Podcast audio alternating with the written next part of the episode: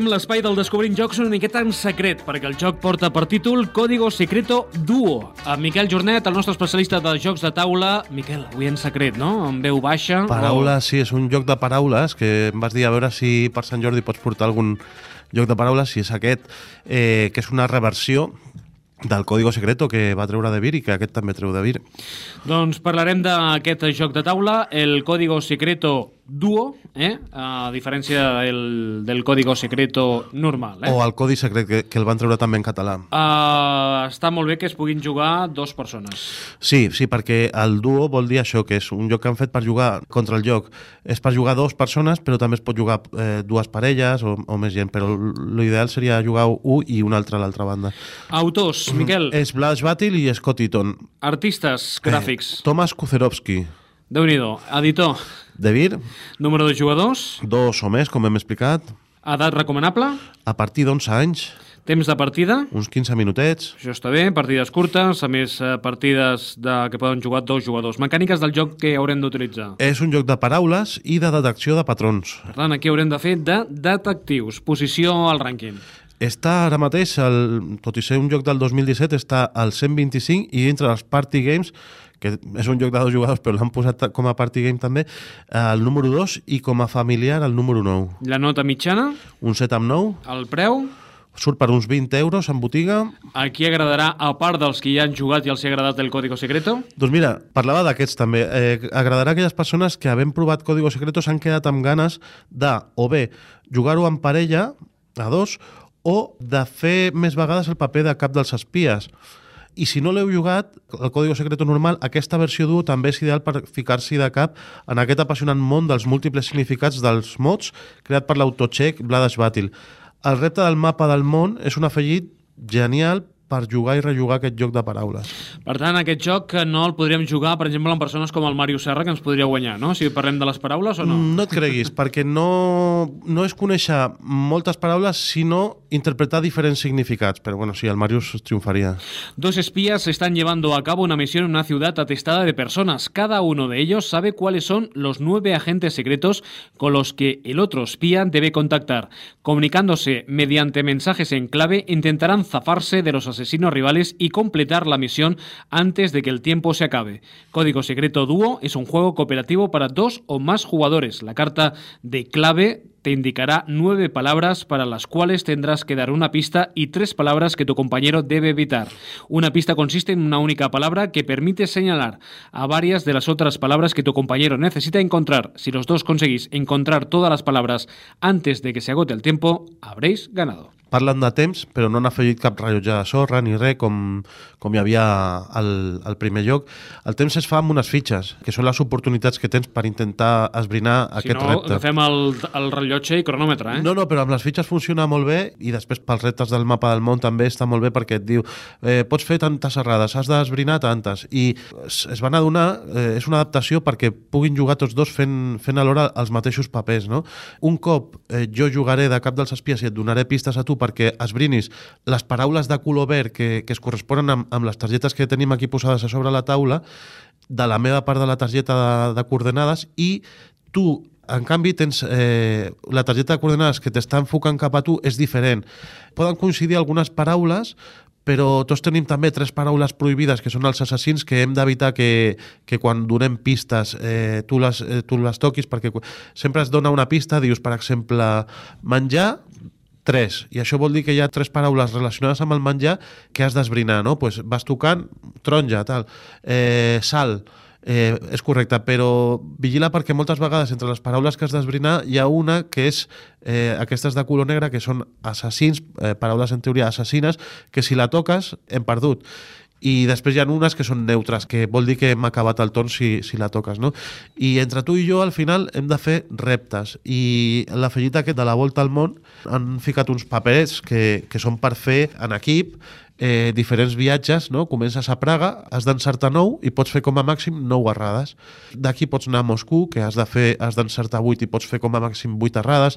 Pots anar a Berlín, que has d'encertar 11 i com a molt has de fer dues errades eh, o al Cairo, que has d'encertar 9 i com a molt fer eh, 5 errades.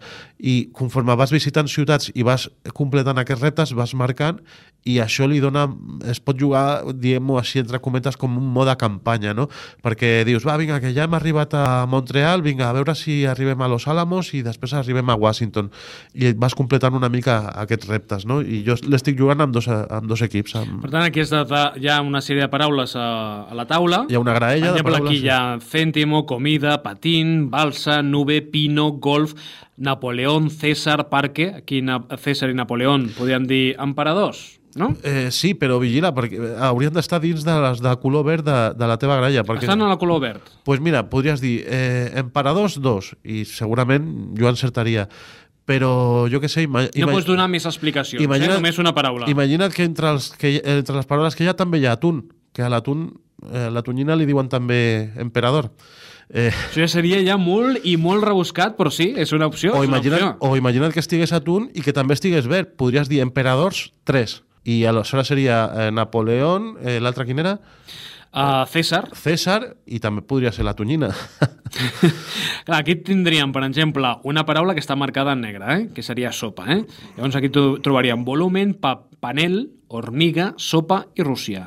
Clar, eh, també hi havia comida, que no sé en quin color està Exacte. marcat. Si jo digués comida 2, Vigila que si toco sopa hem perdut. O sigui, que haguéssim tres paraules relacionades amb menjar, eh? aquí. Sí, sí. Comida podria servir. Sí, sí, sí. Sopa, que hem dit que està marcada en, Bueno, en, en negre. Però I- si és comida no pots dir comida, eh? O sigui, has de dir... Mm, res, mm, Alimento. Alim per Alim- exemple. per exemple, alimento, no? I tinguéssim comida, sopa i plàtano, per Sí, sí. exemple. I resulta que sopa, doncs, està en negre. I jo dic alimentos dos, no? Uh Mhm. -huh. Clar, si l'altra persona treu Eh, eh, sopa, La que està aquí se la pot jugar o no se la pot jugar. Menys si té dubtes, a vegades para. I en un altre torn tu pots dir líquido cero, per avisar de que la pista que havies donat abans d'Alimentos 2, que hi ha un que és líquido que no, que no ha de tocar. Però clar, vas perdre tots també. I hi ha una compenetració i també... quan, quan acaba llavors la partida? El, eh, acaba quan heu trobat totes les paraules verdes d'aquí, o si feu els reptes, el, el, els 9 que diu el repte, els 8 que diu el repte o el que sigui, o quan toqueu una, una paraula que representa un assassí, que és aquestes de color negre, que, que heu perdut. És, és que heu identificat una paraula que, que us fa perdre. Com el código secreto normal. El que passa és que al código secreto només hi havia un assassí, aquí hi ha tres per cada banda. O sigui, Aquí és més complicat, eh? és més complicat, sí, sí, realment és un joc difícil, però és com han de ser els cooperatius, perquè l'han fet una mecànica cooperativa. Abans era competitiva, es, es feia dos equips i cada equip intentava guanyar l'altre, i aquí és que és un canvi de- d'història i, i els hi ha funcionat superbé. El recomanes, aquest, no? Sí, i eh, què passa? Que amb les targetes que hi ha de Código Secreto es pot jugar amb aquest, amb aquestes es pot jugar al Código Secreto normal, i si voleu jugar aquest en català, podeu comprar el Codi Secret en català i posar-li les targetes d'aquell a aquest eh, Código Secreto duo. O sigui que tot queda a casa. Tot queda a casa, farem una partida. Avui, en aquest joc eh, que ens pot recordar els espies, quina és la música que ens proposes, Miquel? Doncs mira, la, la de la Pantera Rosa, perquè per mi hi ha una tensió, és, és una música que té una tensió, que és la tensió que jo tinc quan jugo això, i a veure si toco eh, l'assassí o no, eh, i jo crec que està molt ben interpretada pel Mancini aquesta tensió dins d'una música d'espies, també.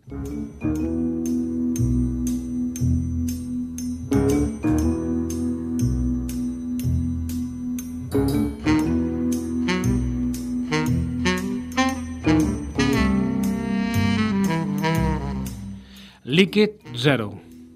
Ja tu vas... Jo ja no toco la sopa.